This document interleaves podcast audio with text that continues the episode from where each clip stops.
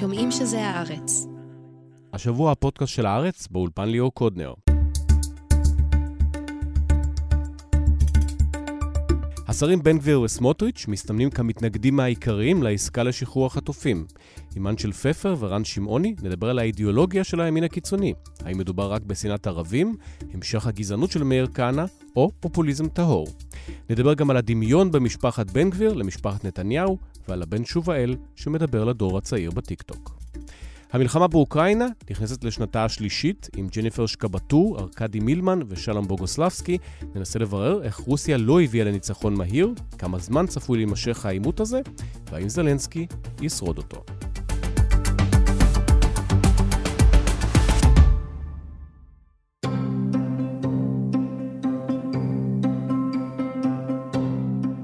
אני מציע, ואני אומר את זה בצורה הכי זאת אומרת, מפורשת. להישאר שם, עם הצבא, לכבוש- את עזה, כן, להישאר שם. ולהיות אחראים-. ולהיות אחראים לתושבי עזה. לא, מה שיכול וצריך לקדם זה תוכנית הגירה, עידוד מרצון כמובן. השיח על טרנספר, או שקוראים לזה באגפי הימין, הגירה מרצון, תפס תאוצה בשבועות האחרונים סביב המלחמה בעזה. אנחנו רוצים להרחיב סביב העניין הזה איתכם. אנשל פפר, שלום. אהלן ליאור. ושלום רן שמעוני. שלום. אז אנחנו מדברים בעיקר על שני אנשים, על בן גביר ועל סמוטריץ', שהם פוליטיקאים, נמצאים בממשלה, וכל פעם מטפטפים את הנושא הזה של הגירה מרצון, טרנספר. מאיפה זה מגיע? לא חושב שזה שיח אה, חדש בישראל. אנחנו מכירים את זה כבר 76 שנה, רק שעכשיו מדברים על זה בקול. אם פעם זו הייתה מפלגת אה, רסיס קטנה של אה, רחבעם זאבי, מפלגה שדיברה על טרנספר, וכמובן התנועה המקורית, אה, כך שבן גביר הוא נכדו הרוחני, נקרא לזה. עכשיו זה בחוץ. אה, חלק בגלל הוואקום הזה שיש בדיבור על כל... תוכנית ליום, ש... אפילו כבר היום שאחרי כבר הפך להיות סוג של, אה, של קלישאה. זה שנתניהו לא מסוגל לדבר, גם בני גנץ לא מסוגל לדבר על שום תוכנית או אסטרטגיה למדינת ישראל אחרי. כשיש ואק... אין ואקום בפוליטיקה, תמיד נשאבים דברים פנימה. ומישהו מוכן להגיד משהו, גם אם הוא הדבר הכי קיצוני, הוא מי שיישמע בשיח. וכשיש לנו את אה, אנשים כמו סמוטריץ' ובן גביר, שלמעשה מבינים שזו ההזדמנות שלהם לבוא ולהחדיר לשיח את המילים האלה. כי עכשיו ש- יש מלחמה ואין אלטרנטיבה אחרת. יש הרבה אלטרנטיבות, רק שאף אחד לא מוכן uh, לדבר על האלטרנטיבות האלה, אז מישהו מוכן לדבר. אגב, זה די דומה לאירוע שדיברנו עליו הרבה לפני שלושה שבועות, הכנס ההוא של uh, ליישב מחדש את עזה. למה זה תפס? הרי זו קבוצה קטנה, זה מיעוט בציבור, זה לא מציאותי. אבל כשאין שום דיבור רציני וכל הפוליטיקאים במיינסטרים, מנתניהו ועד ליאיר לפיד, לא באמת מוכנים לדבר על תוכנית רצינית. מעבר לניצחון מוחלט או כל uh, סיסמה חלולה אחרת.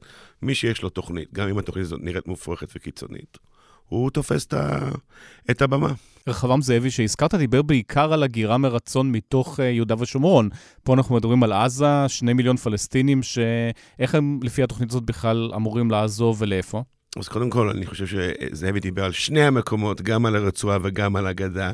גם אז הרצועה הייתה בשליטה ישראלית בדיוק כמו הגדה, ועוד היו שם התנחלויות וכולי. הוא, הוא, הוא נרצח עוד לפני ההתנתקות, אבל אני חושב שאז היה מאוד ברור שהוא סמן מאוד קיצוני, שכמעט... אה, הוא לא ממש היה מוקצה מחמת מיוסקי, הוא לא, הוא, הוא לא היה כהנא. גם היה קטן, שניים, שלושה מנדטים, אבל- והיה קוריוז כזה. הוא גם נכנס לממשלה, היה לו סוג של מעין לגיטימציה, ועדיין הטרנספר אז נתפס כרעיון שהוא מעבר, מעבר לקצה שלו ממש חלק מה, מהשיח, ועכשיו אה, מריחים את ההזדמנות, גם סמוטריץ', גם בן גביר, גם הזדמנות פוליטית, גם הזדמנות אידיאולוגית, וגם עובדה שאנחנו יושבים פה ומדברים על זה כמשהו שהוא, שהוא כמעט מציאותי, זה גם מראה כמה הם הצליחו. אני חושב שכדאי לעשות אולי איזושהי הבחנה, כשמדברים על רעיון הטרנספר, בין ליישב את עזה לבין הטרנספר. על פניו זה, זה אותו דבר, שני צדדים של אותו המטבע. אבל חשוב לשים לב, אנחנו מדברים על הכנס בעצם השני שהיה בבנייני האומה. לפניו היה כנס ראשון ב- ליד אה, רחובות. הכנס הזה אני הייתי בו, היו פה מעט מאוד אנשים, כולם uh, חרד"לים, ולא נאמרה שם מילה על הגירה מרצון או הגירה כפויה, דובר רק על ליישב את עזה. ז- זאת הפנטזיה. אז קודם כל מדברים על זה. אני חושב שהמטרה היא להכניס את זה לשיח, את הרעיון של הליישב, ואחריו, איך בדיוק, איך זה, כאן נכנסים כבר הפוליטיקאים. שזה ומד- מעניין מה המטרה, באמת, האם המטרה זה שיהיו מתנחלים בתוך עזה עוד פעם, או לא יהיו ערבים בתוך רצועת עזה ורק יהודים יגורו שם, וארץ ישראל השלמה עם יהודים בלבד. מן הסתם, שני הדברים כרוכים זה בזה, אבל השאלה היא מה, מה מדברים קודם, מה, מה ריאלי גם. מה מוכרים קודם. ומה שמוכרים קודם זה הפנטזיה. אחרי זה, כשנדבר על הפרקטיקה, אז הדברים גם קצת יותר מורכבים. אה, לך, לך תדע מה תעשה עם מצרים, לאן תפנה אותם, לאן... אבל עזבו, בואו נדבר קודם על הפנטזיה. המימוש של זה יבוא בצורה כזאת או אחרת, ואני לא חושב שהם חושבים שהוא יבוא עכשיו. הרעיון הוא קודם להניח את זה, וזה מה שהם עושים היום. אנג'לי, יש שם איזושהי אידיאולוגיה לבן גביר, או שזה איזושהי תוכנית שהוא תפס כי זה פופוליסטי, הוא מכיר את זה באמת מכהנא חי וכך, והוא ממשיך עם זה הלאה, או יש איזו משנה סדורה שהוא מפמפם מדי פעם? לדעתי, בן גביר הוא בעיקר אופורטוניסט. עכשיו, צריך להסתכל מה בן גביר עבר בחייו. הבן אדם הזה נכנס לפוליטיקה, ואז היה קצה, הקצה, הקצה הכי רחוק של הפוליטיקה, בגיל 14-15, כפעיל נוער בתנועת ככה, למעשה אפילו לא הספיק לפגוש את הרב כהנא, אה, שנרצח בערך אז, ושנתיים אחרי זה, כשהוא ראש נוער ככה, או מה שזה לא הוגדר אז, התנועה מוצאת מחוץ לחוק בעקבות uh, טבח גולדשטיין. ולמעשה, מאז עד היום, 30 שנה כמעט, שבן גביר נמצא בתהליך של להחזיר את התנועה הזאת חזרה לתוך הלגיטימציה הציבורית, וכל פעם הוא תופס הזדמנות אחרת לבוא ולעשות גימיק, לעשות איזה פרובוקציה ולהיכנס פנימה. למרות שאמר לפני הבחירות שהוא כבר לא מאמין בתורתו של הרב כהנא, אין לו תמונה של ברוך גולדשטיין בבית, וכל מיני דברים אחרים שהיה צריך uh, למרכז את עצמו במרכאות. אז אמר. הוא פשוט כהנא באופן הרבה יותר מתוחכם, הרבה יותר ישראלי. צריך לזכור כהנא עם המבטא האמריקאי שהגיע מארצות הברית. תמיד היה נטע זר, היה גם נטע זר בתוך הציונות הדתית, שמעט מאוד uh, היו מוכנים לקבל אותו שם.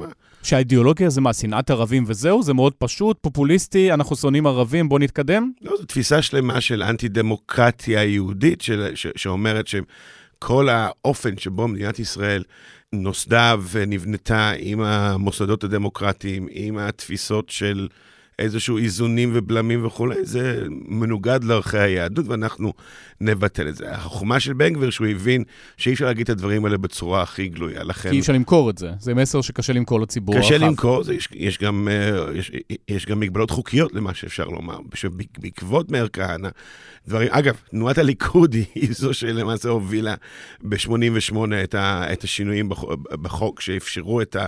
גם להוציא את כך קודם כל מהבחירות, ואחרי זה... מה הוא לא יכול לומר היום? אז כמו שהוא לא אומר מוות לערבים, הוא אומר מוות למחבלים, הוא לא יכול להסית לגזענות. הוא אומר מוות למחבלים, ואנשים צועקים מהקהל מוות לערבים, כאילו כולם ברור מה אומר. ואז הוא כאילו משתיק אותם ככה בחיוך כזה, חיוך הבאי.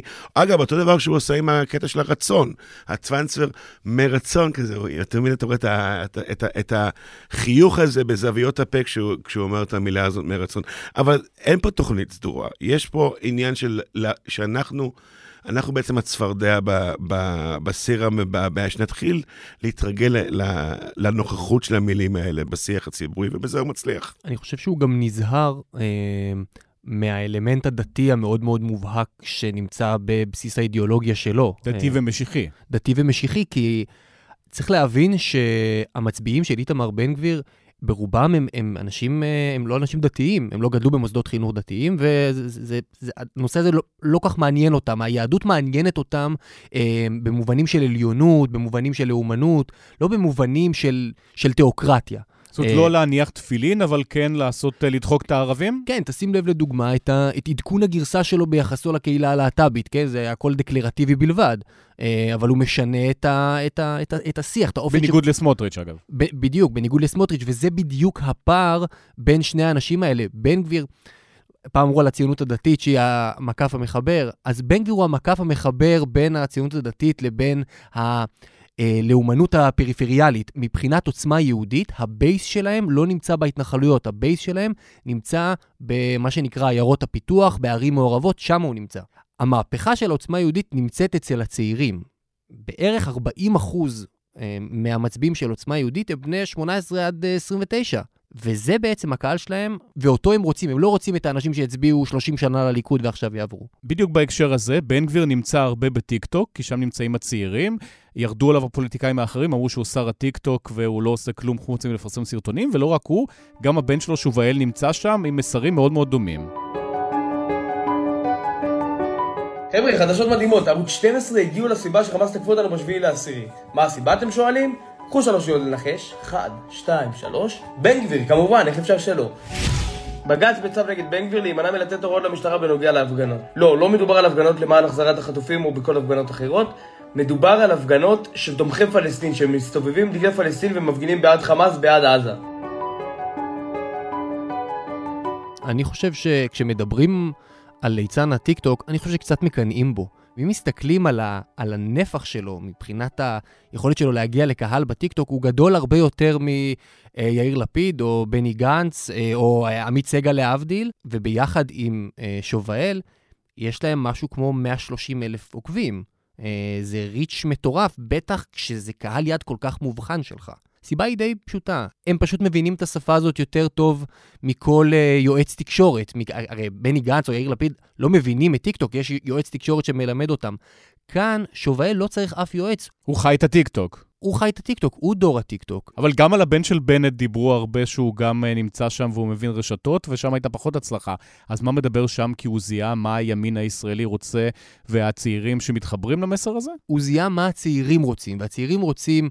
אה, מסר קליט וקצר ו- ומושך את העין. הוא הרבה מאוד פעמים משתמש בכל מיני אה, טרנדים שיש בטיקטוק, ופשוט עושה להם איזושהי אה, פוליטיזציה שקשורה אה, לאבא שלו. הוא בעצם היישום הטיקטוקי של אבא שלו, הוא ממש מדברר אותו ואת הפעולות שלו, ואם נכנסים לעמוד הטיקטוק של איתמר בן גביר, כמעט כל הסרטונים, בערך 90% מהסרטונים, מתחילים במילה אבא. אבא, אנחנו כבר למעלה מ-100 יום בלחימה. יש לך פתרון ליום שאחרי? בוודאי שובל. קודם כל לחזור לרצועת עזה, זה הגיוני, זה מוסרי. רק בצורה כזאת נחזיר את יישובי העוטף, יסכימו לגור שם, אבל מעבר לכך, תזכור תמיד מתי הפסידו לנו האויבים, ב-48' וב-67' כשבאנו ואמרנו, הנה, אנחנו גם חוזרים לשטח שלנו. כלומר, הם רוצים גם לומר שמתקיים דו-שיח בין שובאל לבין איתמר. מרים לו. מרים לו, הוא ההייפמן הטיקטוקי של, אה, של אבא שלו. ואנחנו יכולים להגיד שזה עובד? אנחנו יכולים להגיד שזה עובד. זו מנה מזוקקת אה, לקהל היעד המסיבי ביותר של עוצמה יהודית. זה לא, לא יכול להיות יותר, אה, יותר נקודתי ויותר יעיל מזה. איתמר בן גביר, ובכלל משפחת בן גביר, למדה מההצלחות ומהטעויות של משפחת נתניהו. יש ביניהם איזה שהם קווי דמיון אה, ברורים, רק שמשפחת בן גביר עושה את זה קצת טוב יותר. הם פועלים באיזשהו סינכרון, וגם המעורבות של שובאל והמעורבות של איילה זה יותר מעורבת במה שקורה במפלגה, אבל המעורבות של שובאל, הוא לא נמצא ממש בקבלת ההחלטות. פה אתה מרמז לשרה ויאיר, להבדיל. בוודאי. אה, הם מבינים שהדבר הזה, שהמשפחה יכולה להיות נכס מצד אחד, מצד שני יכולה להיות נזק אדיר. אה, ושם הם יודעים לפעול ביחד. לאחרונה הייתה... אה, הייתה נפילה גדולה עם ההתבטאות של שובאל, שצייץ, ואחר כך הוציא גם בטיקטוק, על זה שביידן אה, לוקה באלצהיימר. למרות שאני לא יודע אם זו הייתה נפילה או גם חלק מהקמפיין המכוון. אני חושב שבמקרה הזה זו הייתה נפילה. אני חושב שמשפחת בן גביר מאוד מאוד מאוד נזהרת מהמכת הבומרנג שהיא יכולה לקבל מה... הפעילות המשותפת. איילה עושה את זה בדרך שלה, יש לה טור שבועי יחסית חדש בגילוי דעת, שזה אלון אה, בתי הכנסת. שובאל עושה את זה בטיקטוק, ואיתמר עושה את זה ב... בדרכים שלו. אני חושב שגם ההבדל אולי המשמעותי בין שתי המשפחות, זה שאיילה ושובאל, אני חושב שבאמת מעריכים את איתמר, באמת מזדהים איתו ברמה האידיאולוגית, וחושבים שהוא עושה מהלכים נכונים. אנשיל, עד כמה המסר הזה באמת תופס, והם זיהו פה משהו שהציבור הישראלי בסוף גזעני, באמת שונא ערבים, וזה מצליח לחלחל למיינסטרים? בוא נזכור, לפני ארבע שנים, בן גביר התמודד לבדו, וקיבל, אם אני לא טועה, כעשרת אלפים קולות, כמו אפילו... לא, לא עבר את אחוז החסימה לא, בהרבה. אפילו לא התקרב לאחוז החסימה, ועכשיו אנחנו, עכשיו בסקרים הוא עומד על שמונה, תשע מנדטים. אפילו עשרה מנדטים בחלק מהסקרים. אפילו עשרה מנדטים. זה לא שפתאום במדינת ישראל נולדו אה, 300 אלף אה, גזענים, שונאי ערבים, שונאי דמוקרטיה שלא היו קודם. בעצם זה מה שנתניהו עשה. ברגע שנתניהו הכניס את, אה, את בן גביר לתוך הרשימה המשותפת הזאת, עם סמוטריץ' ואחרי זה גם עם נועם, ו, ובעצם הראה ששלושת המפלגות האלה ביחד יכולות לקבל, מה זה, כאילו 14 מנדטים בבחירות האחרונות. כלומר, הוא הוכיח לגזענים שעד, שלפני כן, או שחששו לבזבז את הקול שלהם, או שפשוט נשארו בבית, שיש להם כתובת ושהם לא לבד. 14 מנדטים זה הרבה, הם לא, לא לבד, אלא הם אה, חלק משמעותי מהממשלה, גם קיבלו תפקידים משמעותיים. נת... אגב, אני, אני זוכר עוד. באמצע שנות ה-80, שכהנא נכנס לכנסת עם מנדט בודד, אז אחוז החסימה באמת היה אחוז אחד, שבסקרים שעשו, אחרי שהוא כבר הצליח לעבור את אחוז החסימה, הוא התחיל לקבל 4, 6, 7, 8, 9 מנדטים, זה אחת הסיבות שהיה כל כך חשוב למנוע ממנו להמשיך לרוץ. כלומר, תמיד היה את, ה... את הפרופורציה הזאת של אנשים כאלה עם דעות כאלה. אז מה השתנה? שעכשיו מבינים שיש להם יכולת באמת לעבור את אחוז החסימה, להיות כוח פוליטי. שהיו הרבה אנשים שחשבו ככה וממש או התביישו או שמו את הקול שלהם במקום אחר, אולי בליכוד? וגם, נת... כן, או בליכוד, או שהם לא יכלו להצביע, או שהם הצביעו ש"ס, או כל מיני דברים אחרים. אבל מה שקרה עכשיו זה שהם מבינים שכבר אין מחסום בושה. זה שנתניהו הפך אותו לס... לשר לביטחון פנים, אפילו שדרג אותו לשר הביטחון לאומי, נותן לו כל כך הרבה כוח. זה מראה להם שלקול שלהם, כשהם מצביעים לאופציה הכי קיצונית, יש, אה, יש משמעות. עכשיו, קורה גם דבר נורא מעניין בסקרים עכשיו. אם הייתה נטייה לחשוב לפני הבחירות האחרונות שסמוטריץ' עם הבייס הדתי-לאומי, חרדי-לאומי שלו, הוא החלק היותר יציב, יותר גדול, ויש עוד כמה מנדטים של כהניסטים או וואנאבי כהניסטים שיצביעו גם בזכות בן גביר, עכשיו אנחנו רואים כמעט בכל הסקרים שבן גביר מקבל פי שניים מנדטים מסמוטריץ'. וסמוטריץ' כמעט לא עובר את אחוז החסימה. אפילו בחלק מהסקרים לא עובר את אחוז החסימה. אנחנו מתחילים להבין, וזה בעצם אה, מה שאמרנו פה על כל האופן שבו הוא עובד בטיקטוק וברשתות. האופן שבו בן גביר עובד הוא הרבה יותר גמיש. הוא יכול להתפרס על יותר קהלים, על קהלים צעירים, להתחיל לגנוב קולות מ- מליכוד ומקומות אחרים. בעוד שסמוטריץ' בסופו של דבר הוא מוגבל גם סקטוריאלית וגם אידיאולוגית. עכשיו, אחד הדברים, דיברנו על, על המסרים שנאמרו גם בכנס לפני שלושה שבועות, ובכלל שנאמרים עכשיו בספירה הימנית קיצונית. יש את המסרים המאוד פשוטים, המאוד גזעניים, המאוד כוחניים, לאומניים, שמגיעים מבן גביר. המסר של סמוטריץ' בסופו של דבר הוא הרבה יותר מוגדר. יש פה הרבה שימוש במקורות של, בכלל במקורות ו- ו- ובמקורות ספציפיים מה, מה, מהכתיבה של הרב קוק, שבו הוא כותב על היחס האמיתי לציונות, שהיה זמן שהציונות החילונית שימשה תפקיד, ולעתיד לבוא. אנשים יתחילו לשמוע על כל השם, וכל התור יישמע בארצנו, וכל התפיסה הציונית חילונית כבר לא תהיה רלוונטית, ונעבור לדבר האמיתי, שהוא באמת אה, הציונות לפי, לפי דבר אדוני. תיאוקרטיה. וסוג מסוים של תיאוקרטיה לאומנית, ואתה רואה את השימוש במקורות האלה, והמקורות האלה... הם מדברים לקהל מאוד, מאוד ספציפי, אנשים שגדלו את הדברים, למדו בישיבות שבהם זה חלק מחומר הלימודים. זה קהל של ארבעה, חמישה מנדטים לכל היותר. זה אפילו, זה אפילו לא כל בוגרי הציונות הדתית והחינוך הממלכתי הדתי, לדעתי זה מיעוט, אולי שליש מתוכם לכל היותר. אנחנו רואים, זה לא תופס מעבר אולי לחמישה מנדטים. זה בערך הגג של זה, אבל בן גביר, אין לו הגבלות. בן גביר יכול מחר לעשות כל שינוי ושיפוץ בתפיסה שלו. לקחת מסרים של הרב כהנא, להוריד מסרים של הרב כהנא, להגיד, אני כבר לא כהניסט, אנחנו כבר משהו קצת אחר. אין לו את הבעיה, he's shape shifting, הוא יכול לתפוס כל אה, אה, צורה שבה הוא חושב שזה יגיע לציבור, והיום זו ההזדמנות שלו, כי הליכוד חלשים, נתניהו פתח לו את הדלת, והוא, ואנחנו רואים בסקרים מה, מה הוא מצליח. אני חושב שהשלב הבא של, אה, של עוצמה יהודית זה לעדכן את הרשימה, כי הרשימה לא מותאמת לקהל המצביעים. נאמר, אם אני צריך להמר, שובאל בן גביר מביא הרבה יותר קולות ממה שמביא צביקה פוגל, למשל. אה, או עמיחי אליהו. אז אתה רואה אותו נכנס לרשימה? אני לא רואה אותו נכנס לרשימה בכלל, אבל צריך דומים לו. אה, היה, היה את הניסיון עם אלמוג כהן, שהתברר מהר מאוד כ... כתקלה, כי מלכתחילה הם לא ממש, הם לא ממש הסתדרו, גם היום הם לא ממש מסתדרים, והם לא הולכים לרוץ ביחד בבחירות הקרובות, אני מעריך. ו... הוא, הוא צריך אנשים שהם יותר, באמת, בני, בני דמותו של, של הבן שלו ובני דמותם של, של בני הדור הצעיר אה, אז זה, ואני חושב שהחיבור בין, אה, בין הציונות הדתית לעוצמה יהודית היה בעצם כמו איזשהו סולם גנבים בשביל עוצמה יהודית, כי באמת אה, בהתחלה המשא ומתן ביניהם היה במקום שמבחינת סמוטריץ' הוא מביא הרבה יותר. ו... סמוטריץ' הרגיש שהוא החזק. בדיוק, ומה שקורה עכשיו, וזה, הסקרים הם רק, הם רק ביטוי למשהו שכולם כבר ידעו, שעוצמה יהודית הפעילה על הציונות הדתית. אני חושב שהמקום שממנו, שממנו בן גביר יביא את המועמדים הבאים, הוא בעצם משהו שהוא דומה קצת לשובאל. מה שובאל עושה העיסוק המרכזי. הוא כדורגלן, אמנם לא נורא מצליח. היא, לד... אני לא אופתע אם נראה מישהו שהוא, לדוגמה, אקס, איזשהו כוכב אקס בית"ר ירושלים. אלי אוחנה יחזור. תראה, אלי אוחנה, היה את הניסיון נפל הרי של בנט להכניס נכון. אותו בשעתו. שנפל למה בגלל שהוא שקראו לבית מזרחי. היהודי, שנפל מזרחי, הוא לא דתי מספיק. אה, הרב, הרבנים של סמוטריץ' בעיקר, שעוד היה אז בתוך הבית היהודי, אה, עיקמו את הפנים, ואני חושב שאנחנו נראה את הסוג הדמויות האלה. אבל לדעתי גם מישהו כמו פוגל הוא כן מתאים באיזשהו מקום לבן גביר, כי הוא בא כתת-אלוף במילואים, בן גביר ירצה שיהיו שם ביטחוניסטים, אולי עד אז הוא יביא גם אה, איזשהו מפכ"ל לשעבר, איזה... אתה רומז פה למשהו. יש פה לגמרי, יש לבן גביר אה, הרבה הרבה יותר כלים לנגן איתם על המגרש הפוליטי, או הרבה יותר שחקנים להרכב משיש לסמוטריץ', ואנחנו רואים את זה עכשיו. אם לפני כמה שבועות הימרו על זה שאולי בן גביר יפיל את הממשלה, כי הסקרים חזקים וכדאי ללכת לבחירות, עכשיו השיח הזה נרגע, למה? תראה, כי כרגע בן גביר עוד מקבל מנתניהו כמעט כל מה שהוא רוצה, למרות שמה שהוא מקבל מנתניהו זה בעיקר הצהרות. נתניהו כאילו אומר, כן, אנחנו נגביל את הכניסה של ערביי ישראל.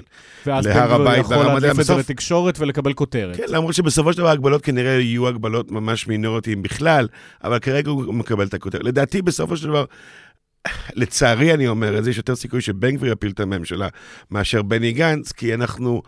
כן, זה ריאלי? למה, ימין יפיל ממשלת ימין, ימין קודם- על מלא? קודם כל זה כבר קרה כמעט כל, כל, פעם כמעט שממשלת ימין נפלה, היא נפלה כי, כי הימין מעבר לימין הפיל אותו, אבל לבן גביר יש פה אינטרס, הוא צריך באיזשהו שלב לבוא ולהגיד, אני הימין האמיתי.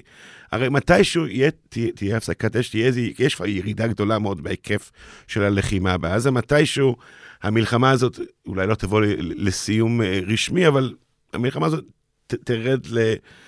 כבר יורדת להיקפים הרבה יותר קטנים. ואז הוא צריך לחתוך הפסדים. בן גביר צריך לבוא ולהגיד, אני ה- זה שבאמת גיבה את צה"ל, אתם, כל, כל מי שהוא לא אני, לא המפלגה שלי, תקע סכין בגב של צה"ל, תקע סכין בגב של הלוחמים. הרי בן גביר בסופו של דבר עדיין, עם כל הצלחה שלו, הוא בתוך, הוא מסומן עדיין כחלק מממשלת נתניהו. הוא צריך לשבור את זה, והרגע שהוא ישבור את זה, לדעתי, אולי הוא לא קרוב מאוד, אבל הוא יגיע באיזשהו שלב. אתה מזהה, רן, את המסרים שיהיו שם בקמפיין הבא? תראה, אה, יש מילה אחת שהוא חוזר עליה כבר אה, ארבעה חודשים, והיא המילה קונספציה. אה, הקונספציה היא משתנה, זה יכול להיות בהיבט הביטחוני, זה יכול להיות בהיבט החברתי, זה תמיד יכול יש להיות בהיבט קונספציה הכלכלי. כלשהי. תמיד יש קונספציה. בדרום, במרכז, בצפון, בכל נקודה יש קונספציה, אה, שבן גביר מבקש לשבור אותה. אה, ואני חושב שזה זה הדבר העיקרי שאנחנו נשמע ממנו-. זאת אומרת, לא ניצחון מוחלט, אלא קונספציה לא, לא, כלשהי. לא, ניצחון מוחלט זה נתניהו. אה, בן גביר הוא לא איזושהי בבואה של נתניהו. אנשל דיבר על, ה, על העניין של ממשיך דרכו של, אה, של כהנא. אני חושב שברמה האי- האידיאולוגית הוא בוודאי ממשיך דרכו של כהנא, אבל הוא לא רוצה ללכת בדיוק בדרך שלו, הוא רוצה ללכת בדרך הרבה יותר מעודכנת והרבה יותר אה, משוכללת, ואני חושב שאותו מקרה לגבי נתניהו. אני חושב שהוא רוצה ללכת אה, על פי אה, תורתו הפופוליסטית של נתניהו, אבל בדרך הרבה יותר משוכללת ומתוחכמת. מאמין שהוא יכול להיות ראש ממשלה? אני בטוח שהוא מאמין, כן. תראה, מתי, ברגע שנתניהו הולך, נפתח המכרז להובלת הימין, אנחנו מדברים על אנשים כמו בנט שיובילו את הימין, או יוסי כהן, כל מיני דמויות בתוך הליכוד שאולי יובילו את התנועה. למה לא איתמר בן גביר? אתה רואה את זה כתסריט ריאלי? בן גביר מוביל הימין וראש ממשלה? אני לא חושב שהוא יצליח, אבל אני גם לא רוצה שהוא יצליח, לכן אני, לא, אה, אני מקווה שלא. אבל בוודאי שהוא מתחרה. אם פעם מי שהוביל את התנועה הזאת, או את- או את התפיסה הזאת שהיום בן גביר מוביל, לא היה בכלל נתפס כמועמד להובלת הימין הישראלי, היום לגמרי אפשר לראות בו מישהו שיתחרה על זה. הוא רואה את עצמו כמועמד. שמונה, תשעה, עשרה מנדטים רואים בו מועמד. צריך לזכור, הליכוד ירדו ל-12 מנדטים בבחירות ב-2006.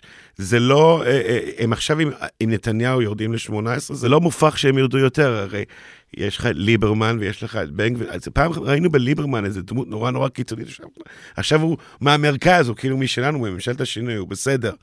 הגדרות של איפה אה, זה בכלל מקובל להיות בימין ולהיות במיינסטרים הישראלי מאוד השתנו בשנים האחרונות, בעיקר בגלל נתניהו. ובן גביר הוא אולי האנשים ש... מהאנשים שיודעים הכי טוב לנצל את הדבר הזה. תראה, באוגוסט פרסמנו תחקיר על uh, ההתארגנות של עוצמה יהודית בבחירות המקומיות.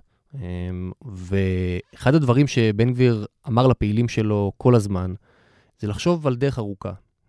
הוא נתן כמובן את הדוגמה של, שלו עצמו, כמי שעשה את כל הדרך משולי הלגיטימציה עד ממש ללב הלגיטימציה, וגם ברמה האלקטורלית, והוא מנחה אותם להמשיך בדרך הזאת. אז אנחנו אולי קצת חושבים בצורה צרה על הבחירות הקרובות, כן? כי אנחנו מבינים שאם יהיו בחירות עכשיו, אז תעלה ממשלה שהיא לא אותה ממשלת ימין, ואז בעצם איפה האינטרס של אה, בן גביר?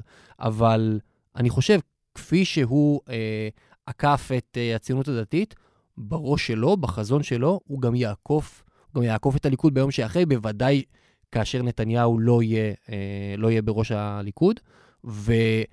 והוא מכין את עצמו לדרך ארוכה, ואז במובן הזה, כשמנסים לשאול מתי עוצמה יהודית, מתי בן גביר יצא מהממשלה, האם הוא יצא מהממשלה, אני מניח שזה יהיה בהתאם לאינטרס שלו, מתי שהוא מרגיש שהוא הכי מוכן לבחירות הקרובות, לא בשביל בסוף להקים אה, את, את אותה הממשלה. יהיה באופוזיציה, אבל יתחמם על הקווים. בדיוק, והאופוזיציה היא נקודה נהדרת בשבילו, הוא פורח באופוזיציה, בניגוד להרבה מאוד אנשים אחרים.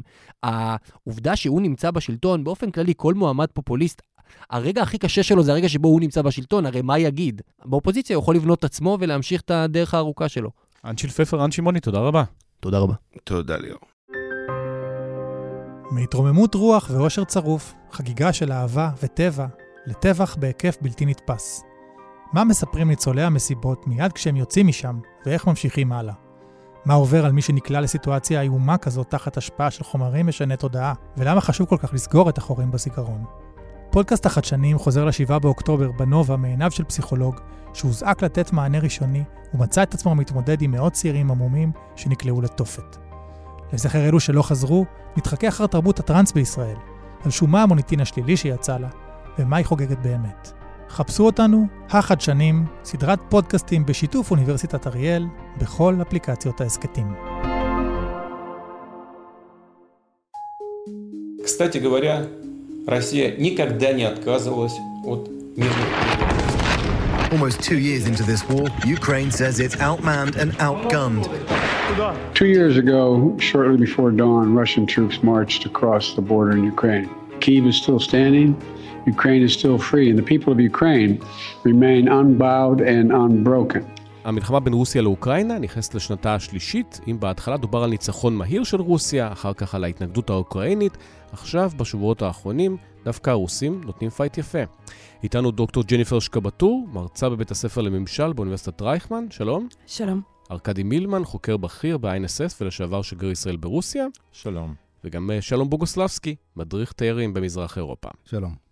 אם אנחנו צריכים להגיד מה הסטטוס של המלחמה הזאת, אז היה תיקו-תיקו, עכשיו זו הובלה של הרוסים, או מלחמת התשה שתיקח המון זמן? זו הייתה מלחמת התשה לאורך תקופה ארוכה כבר. ובזמן האחרון זו כנראה הובלה של הרוסים. ההישג המרכזי והעיקרי של המלחמה בחודשים האחרונים זה הכיבוש הרוסי של אבדיאבקה. But Ukraine's withdrawal announced on Saturday from Avdiivka means more than the loss of a town bitterly fought over since Russia first invaded a decade ago. למעשה הערה קטנה בפאתי דונצק, שהמלחמה הייתה מאוד עיקשת בה. והכוחות האוקראינים נסוגו, אה, הרוסים כבשו את העיר, והזמן משחק לטובתם. אה, כלומר, אה, אנחנו למעשה צופים ב... כן, בדיוק ב... בהתשה שהולכת ונמשכת, והיתרון הרוסי הוא משמעותי בגודל, מבחינת יכולת הגיוס, מבחינת המשאבים, מבחינת הכלכלה. לאוקראינים יש קושי גם uh, לגייס לוחמים וגם להמשיך במצב שבו הסיוע יורד. אני חושבת ששנתיים למלחמה אנחנו צופים ב- ביתרון רוסי ש- שהולך ומתגבר. ארכדי, הכסף האמריקאי זורם בקושי. אם לא יהיה נשק, לא יהיה כסף, זה ברור שאוקראינה תפסיד? קודם כל, יש גם אירופאים שמסייעים, ועכשיו מאשרים סיוע, ומבינים שהם צריכים למלא את מקומה של ארה"ב. אה, אבל ללא ספק זו בעיה, אם אמריקאים לא ימשיכו לסייע, תהיה בעיה גם לאירופאים, כי המשאבים הם מוגבלים. ולכן אה, כאן אה, באמת צריך לשאול שאלה, האם אמריקאים יהיו מסוגלים להוביל את הסיוע לאוקראינים, ובכך לא לתת לרוסיה לנצח. כי יש כאן נקודה מאוד מאוד חשובה. אם רוסיה מנצחת במלחמה הזאת, זה יהיה איתות גם לסין, גם לאיראן, להתחיל ב- ולפתוח בחזיתות אה, מול ישראל או מול טיוואן. וכאן כולם צריכים להבין שהסיוע לרוסים יהיה בכך, אם לא יינתן סיוע לאוקראינים. שלום, מה אוקראינה צריכה כדי לנצח? אני רוצה רגע לחזור צעד אחורה, בשביל לדבר על אה, ניצחון והפסד, אי אפשר לעשות את זה במנותק ממטרות וממה שאפשר להשיג. אני חושב שרוסיה תמיד יכלה... אה, להשיג כמה שטחים במזרח בדרום אוקראינה ו, אה, ולהחזיק בהם, מה שנראה שבינתיים מצליחה לעשות, אבל צריך לזכור שמטרת המלחמה היא בעצם להכפיף את אוקראינה לשליטה רוסית, ואני חושב שהמטרה הזאת היא בלתי ניתנת להשגה.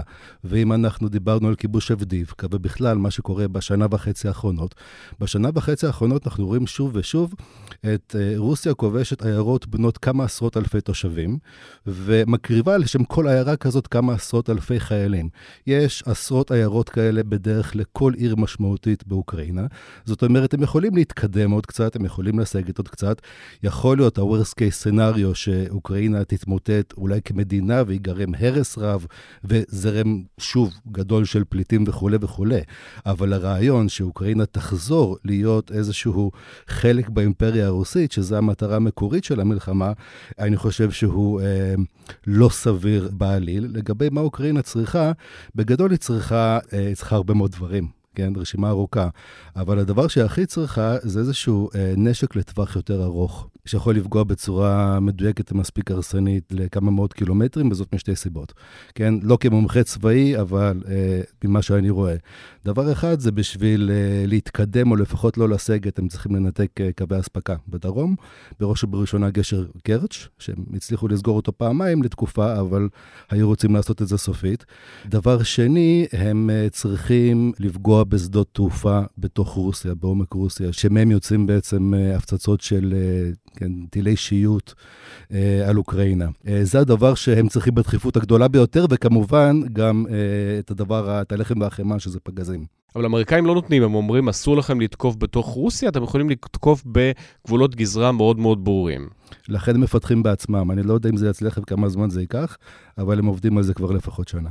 אני חושבת שהמטרה של אה, רוסיה, כמובן, המטרה המקורית הייתה כיבוש קייב ולהכפיף את אה, אוקראינה, אבל בגדול מה שרוסיה ופוטין מנסים לעשות זה לזרוע כאוס. ככל שאוקראינה תהיה מדינה שהיא אה, לא יכולה למשול, כך המטרה הרוסית תושג. הם לא צריכים את השטחים האלה, הרי רוסיה היא מדינה עצומה. וגם השטחים שכבר נכבשו עם אבדיאבקה או בלעדיה, אה, על כל העיירות הקטנות ש, שמקריבים עליהן עשרות אלפי אנשים, זה לא באמת שטחים ש, שלרוסיה יש מה לעשות איתם.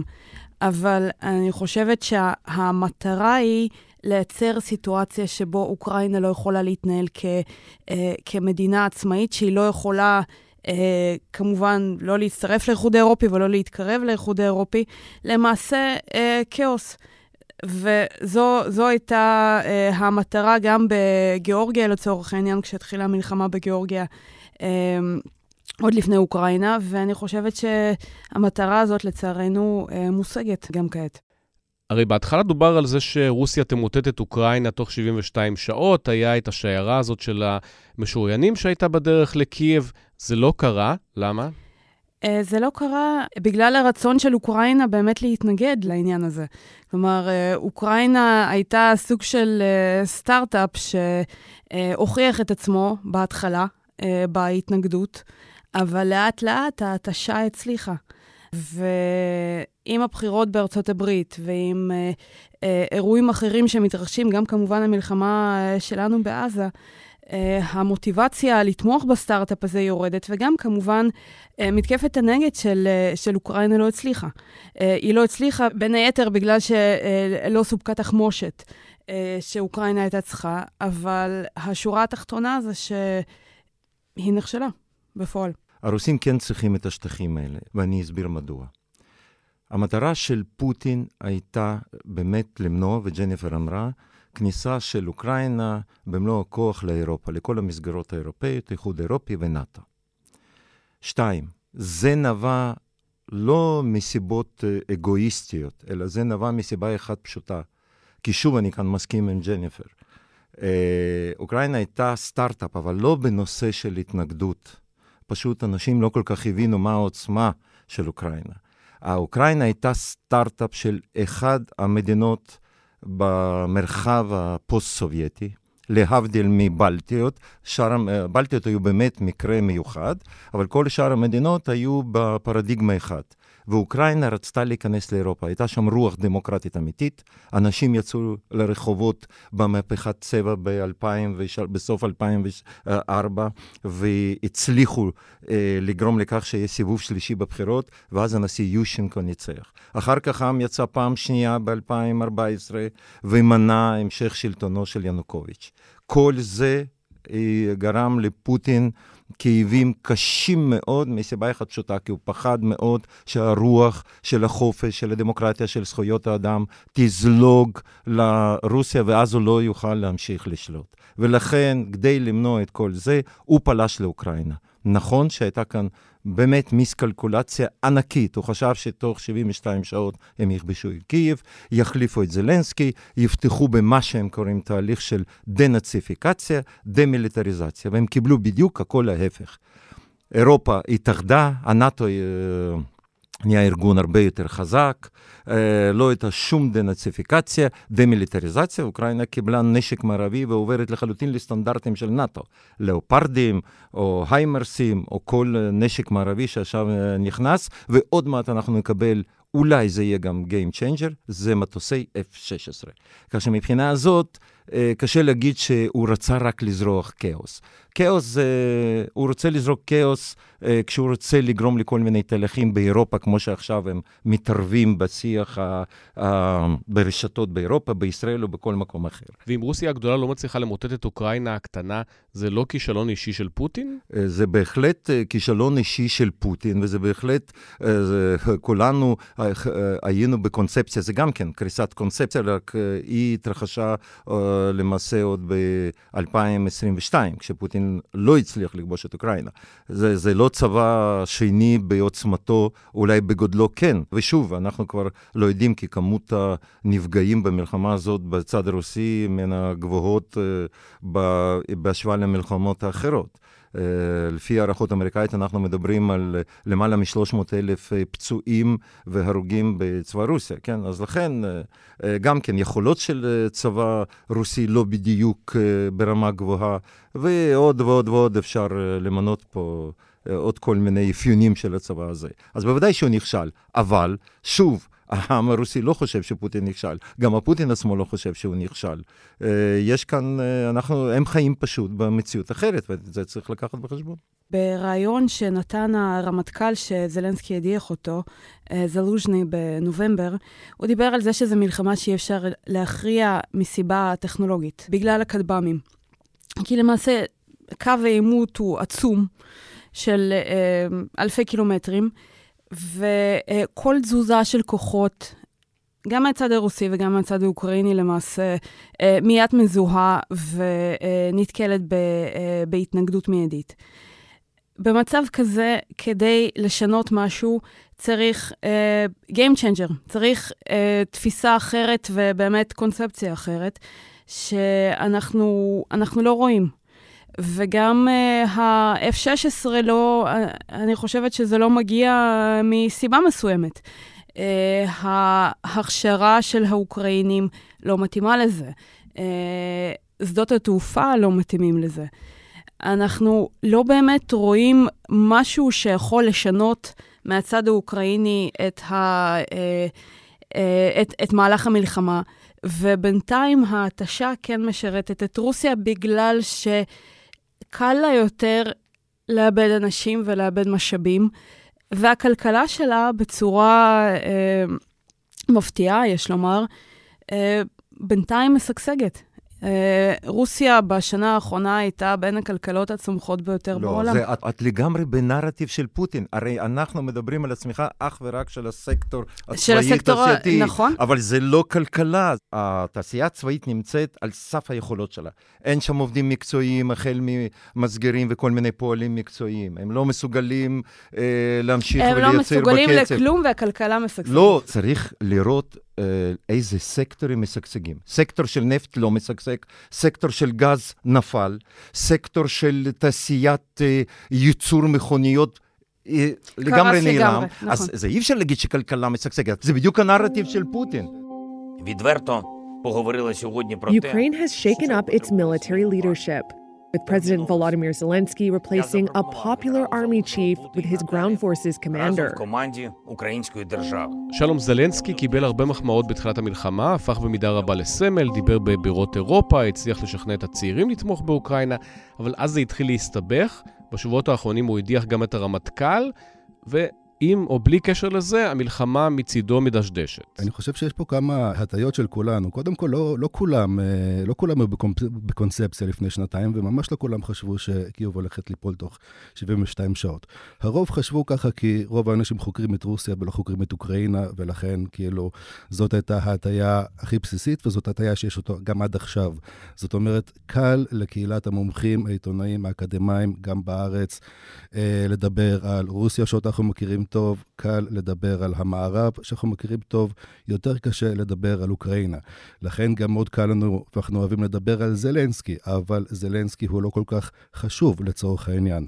כי לצורך העניין, מה יקרה אם זלנסקי ילך? זה לא שיחליף אותו מישהו שעכשיו ייכנע לרוסים, או יעשה איתם שלום, או יחזור להיות, אה, או יחזיר את אוקראינה להיות חלק מרוסיה. הפקטור שחשוב, ספציפית באוקראינה, וזאת אחת הסיבות לכישלון של הרבה קונספציות ותחזיות, זה שאוקראינה, בשונה באופן קיצוני מרוסיה, היא לא רק בעלת אה, רוח דמוקרטית וכולי, אלא גם היא מאוד מבוזרת וגם מאוד אה, מעודדת אה, יזמות. זאת אומרת, זה לא כל כך תלוי במה שעושה המנהיג. והדבר הזה, הוא הפר לא מעט תחזיות עד היום. וזלנסקי לא הפך להיות סמל של המלחמה הזאת, הוא הצליח באמת למשוך את המערב, מוכר בכל בירות אירופה.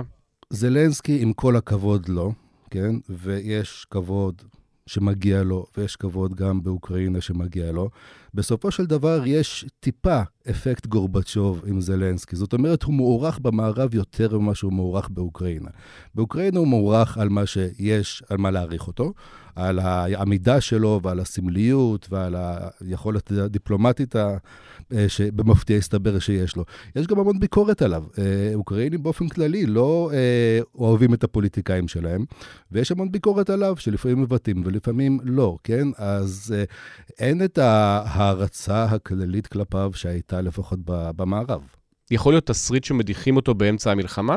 אני יכול לראות תסריט שמדיחים אותו באמצע המלחמה, ואני לא בטוח שהמשמעות תהיה אה, דרמטית. זאת אומרת, שוב, אם יחליפו את זלנסקי, לא יחליפו אותו במישהו שמוכן להיכנע לרוסים, כי באוקראינה אין כמעט אף אחד בציבור שמוכן להיכנע לרוסים. וכל נשיא שייכנע, הוא כנראה יפסיק להיות נשיא באותו יום. ממש. Uh, אני אזכיר שהמון דיברו על זה שאיזה בלגן יהיה כשידיחו את uh, זלוז'ני. בינתיים לא היה בלגן, אנשים לא אוהבים את זה, זאת החלטה לא פופולרית, אבל לא קרה כאוס פוליטי, לא, קרה, uh, לא קרו הדברים שאנשים צפו עד כדי הפיכה צבאית. הייתי מציע לכולנו להיזהר יותר עם התחזיות לאור הרקורד של כולנו בשנתיים וחצי האחרונות. כמה המלחמה בין ישראל לחמאס היא אינטרס של הרוסים, ועד כמה זה באמת משפיע גם ביום-יום על מה שקורה עכשיו באוקראינה. אינטרס חד משמעי, מכיוון שזה מסיט תשומת לב לעזה, אה, ובמיוחד בחודש אוקטובר ועד באמצע בערך אה, נובמבר של כניסה שלנו אה, לעזה, למעשה כולם דיברו אך ורק על המלחמה אצלנו. ואף אחד לא דיבר אה, על המלחמה באוקראינה, למרות ששם היא נמשכה. זה כאילו אה, כל הידיעות על המלחמה באוקראינה שם אה, היו בעמודים האחרונים של כל העיתונות העולמית. הפוקוס היה כאן, וזה בהחלט עודד, זה היה מצוין לפוטין. מה גם שמ-7 באוקטובר פוטין נקט עמדה אנטי-ישראלית, פרו-חמאסית חד משמעית.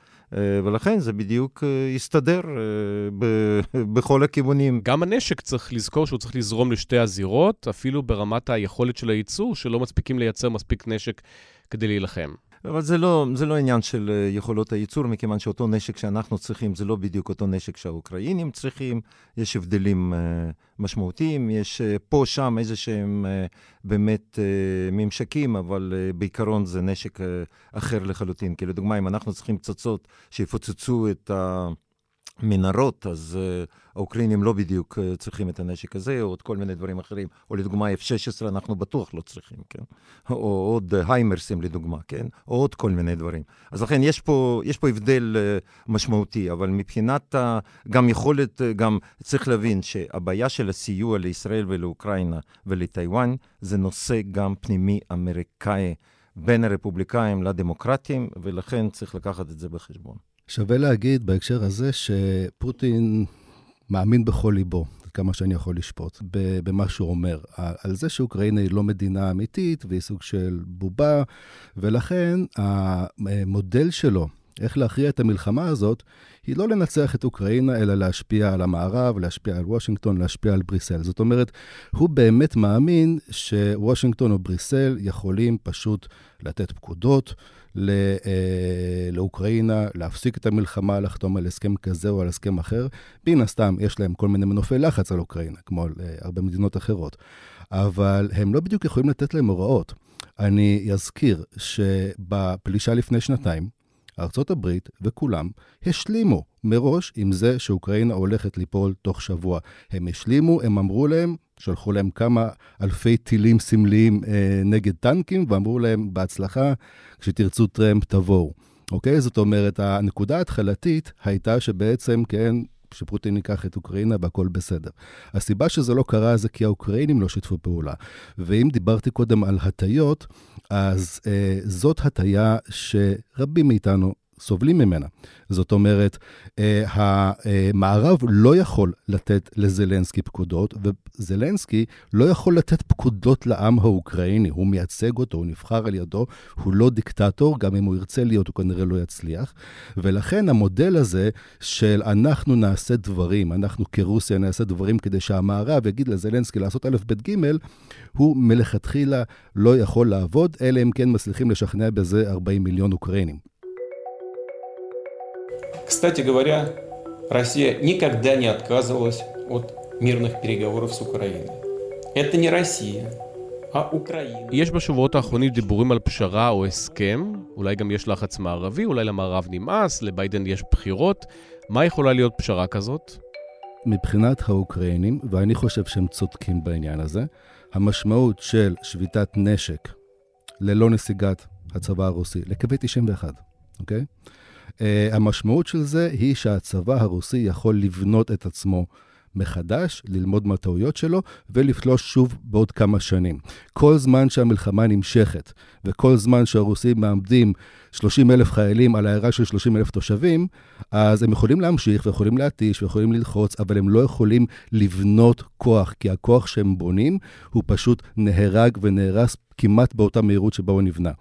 ולכן כל זמן שהמלחמה אה, נמשכת, כפי שנמשכת עכשיו, זה מצב שמבחינת האוקראינים הוא יותר בטוח מאשר כמה שנים של שקט, שאחריהם הצבא הרוסי חוזר הרבה יותר גדול, הרבה יותר חזק, פחות מושחת, יותר מיומן, וכמובן שבתקופה הזאת, היות שחתמנו על שלום, אז אף אחד במערב לא הולך לספק לקייב שום דבר.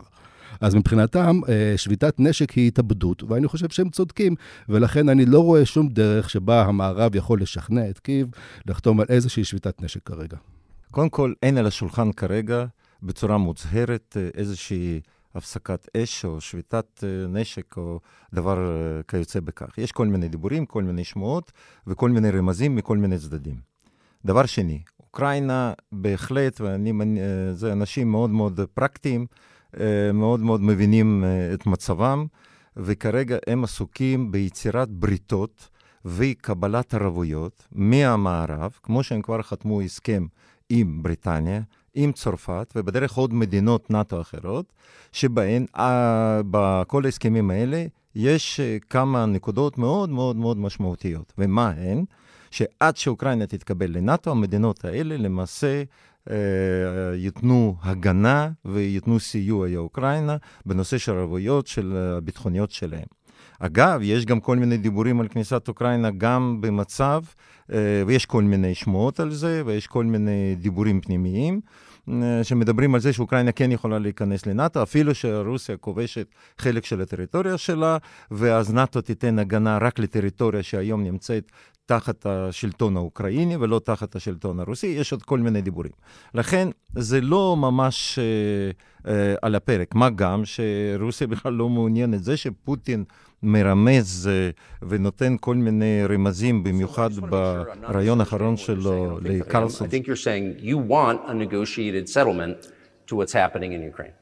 We prepared a huge document in Istanbul. We were ready to sign it and the war would have been over long ago. שהוא אמר שאנחנו מוכנים למשא ומתן, אז זה רק עניין הצהרתי בלבד, אין שום רצון, מכיוון שפוטין ממתין לכל מיני התפתחויות, הוא בהחלט במוד ממש של מלחמת התשה, והוא משוכנע שבסופו של דבר המערב יתעייף, אז הוא יפסיק לסייע לאוקראינה, ובכך הוא ינצח וכדומה. לכן זה, אף אחד לא כרגע לא מדבר, ויתרה מזו, כבר מדברים שרק ב-2025 אוקראינה תוכל איכשהו להתחיל במתקפה האמיתית, כדי uh, לנסות ולהוציא את הרוסים משטחה. כך שאני פה בדעה אחרת לגמרי. ריאל פוליטיק לא יכול להיות שום הסכם? אם מסתכלים על ריאל פוליטיק, נאט"ו לא באמת רוצים וצריכים את אוקראינה. זה סוג של בעיה ש, שיש להם, והם לא יכולים להתעלם ממנה, אבל הם גם לא רוצים להכיל אותה. אף אחד לא, לא רוצה את הצרה הזאת, גם מבחינה תקציבית, גם מבחינה פוליטית. Shock, outrage, after one of Vladimir Putin's sharpest critics, Russian opposition leader Alexei Navalny, was reported dead in a Russian prison. I'm announcing more than 500 new sanctions in response to Alexei Navalny's death. המוות של מנהיג האופוזיציה הרוסי אלכסיי נבלני בכלא משפיע באיזשהו אופן על המלחמה? הוא כמובן משפיע כן על היחס המערבי כלפי רוסיה. אנחנו כמובן אה, אה, עוד לא יודעים את סיבת המוות. נראה שפוטין עזר ולא הצטער פה יותר מדי. זה מעניין, האם חודש לפני הבחירות פוטין רצה להרוג אותו באופן יזום? אם כן, הוא לא מפחד מכלום. הוא, לא רק שהוא הרג אותו בהוראה אישית, הוא עשה את זה בצורה הפגנתית. בדיוק. כלומר, הפגנתית, לגמרי. ככה שאנשים יוכלו להגיד מצד אחד, כן? האנשים שמסוימים יוכלו להגיד, טוב, אנחנו לא יודעים, אנחנו לא בטוחים, אבל האנשים שצריכים לקבל את המסר, יודעים בדיוק מה קרה. וזאת הסיבה ששלושה ימים אחרי שנבלני נרצח, מי שעומד בראש מערכת הכלייה מקבל עיטור. זה סימן למי שצריכים לדעת. הוא מסמן לא לך או לי או למערב שהוא הרג אותו בצורה הפגנתית, הוא מסמן לפירס שלו, שיכולים להבין... שהוא יכול. שהוא הרג אותו ש... ולהעריך בדיוק. את, ה, את הסגנון לצורך העניין. ולכן, כאילו, להגיד שזה לא הגיוני שהוא יעשה את זה לפני בחירות, זה לא משנה. הוא, כאילו, הבחירות האלה הן לא בחירות, הוא ייבחר. בראייה הרוסית פנימה, בתוך הקרמלין, זה ניסיון של לגיטימציה. זה תהליך מסוים שהם כל הזמן חיים בו. אז זה לא משנה מי בכלל להשתתף בבחירות, פוטין בלאו הכי יזכה, כי זה זיוף אחד גדול. אבל הוא גם היה זוכה בלי הזיוף. No, בוודאי שהוא היה זוכה, כיוון שבדצמבר, בסקר האחרון, שדווקא היה מטעם השלטון, בארגון שעשה, פוטין זכה לתמיכה אך ורק של 30 ומשהו אחוז של אנשים. זה אחד המדדים הכי נמוכים, אז אנחנו צריכים לא לשכוח את זה. אבל... ממה שפוטין נבהל, ואני חושב שזה יכול להיות שהיה פה זירוז של מות נבלני ושל הרצח נבלני, מסיבה אחת פשוטה. כשמועמד אחר בשם נדז'דין, שאם אנחנו נתרגם את השם משפחה שלו מרוסית לעברית, אז זה איש התקווה, הוא, כשהוא היה צריך לאסוף חתימות, ומאות אלפי אנשים יצאו לרחובות ועמדו בתורים בקור עז, ולא התביישו ולא פחדו, למרות שהם ידעו שבאותה שנייה שהם מוסרים את כל הנתונים שלהם, נת, אה, תעודת זהות שלהם והכתובת שלהם והכל, כל הרשימות האלה עוברות לרשויות, ואז הם יודעים בדיוק מי מתנגד לפוטין. ואנשים לא פחדו ויצאו. וזה היה בין היתר גם אחד הקטליזטורים. שתיים, כל ה... המסרים שנבלני שלח מכלא, אל תצביעו לפוטין, תצביעו לכל המועמדים האחרים, אל תפחדו, תצאו ותצביעו, אל תחרימו את הבחירות, גם זאת הייתה השפעה. הם לא רוצים לקחת שום סיכון, אפילו מינימלי, אפילו מינימלי, שפוטין לא, שיהיה איזה, לא יודע, אבל לא היה סיכון, זה הכל זיוף. לא, לא, לא משנה, אבל עדיין, זה בדיוק הנקודה. אותה אישה דונצובה, עיתונאית או חצי עיתונאית, שבכלל לא הייתה שום... סכנה לפוטין, פסלו אותה, לא נתנו. אותו נדז'דין, פסלו אותו.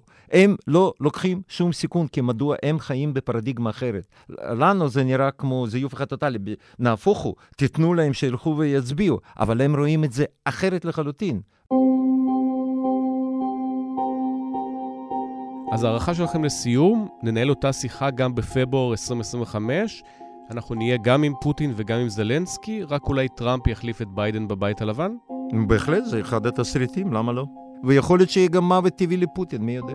אף אחד לא יודע מה, מה יקרה בעוד שנה, כמו שלא ידעו מה, מה קורה, ב, מה יקרה עכשיו, אחרי שנתיים.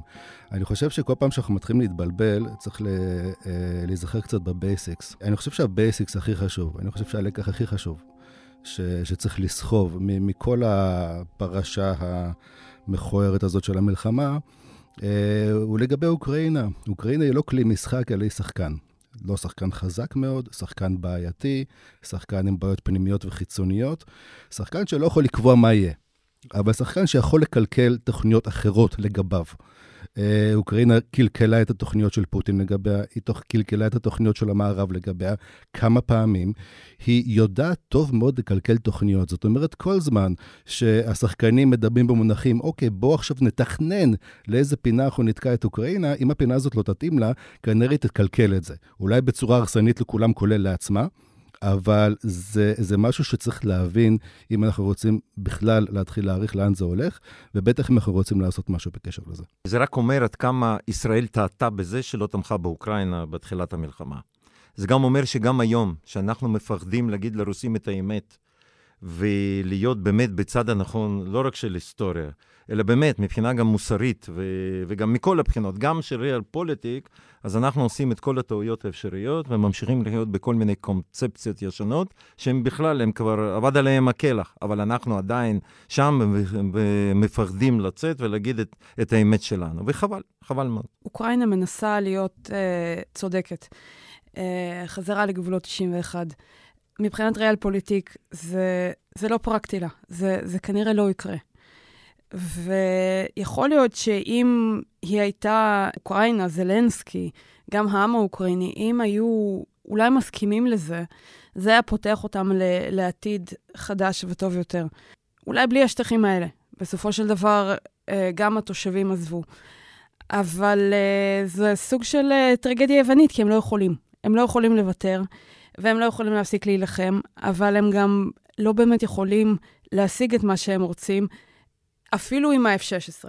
גם אם הם יקבלו את, ה, את התחמושת, כי, כי לרוסיה יש יותר משאבים. אה, ואני חושבת ש, שחבל שההבנה הפסימית הזאת לא, אה, אה, לא נמצאת שם. ג'ניפר שקבטור, ארכדי מילמן, שלום בוגוסלבסקי. תודה רבה לשלושתכם. תודה. תודה רבה.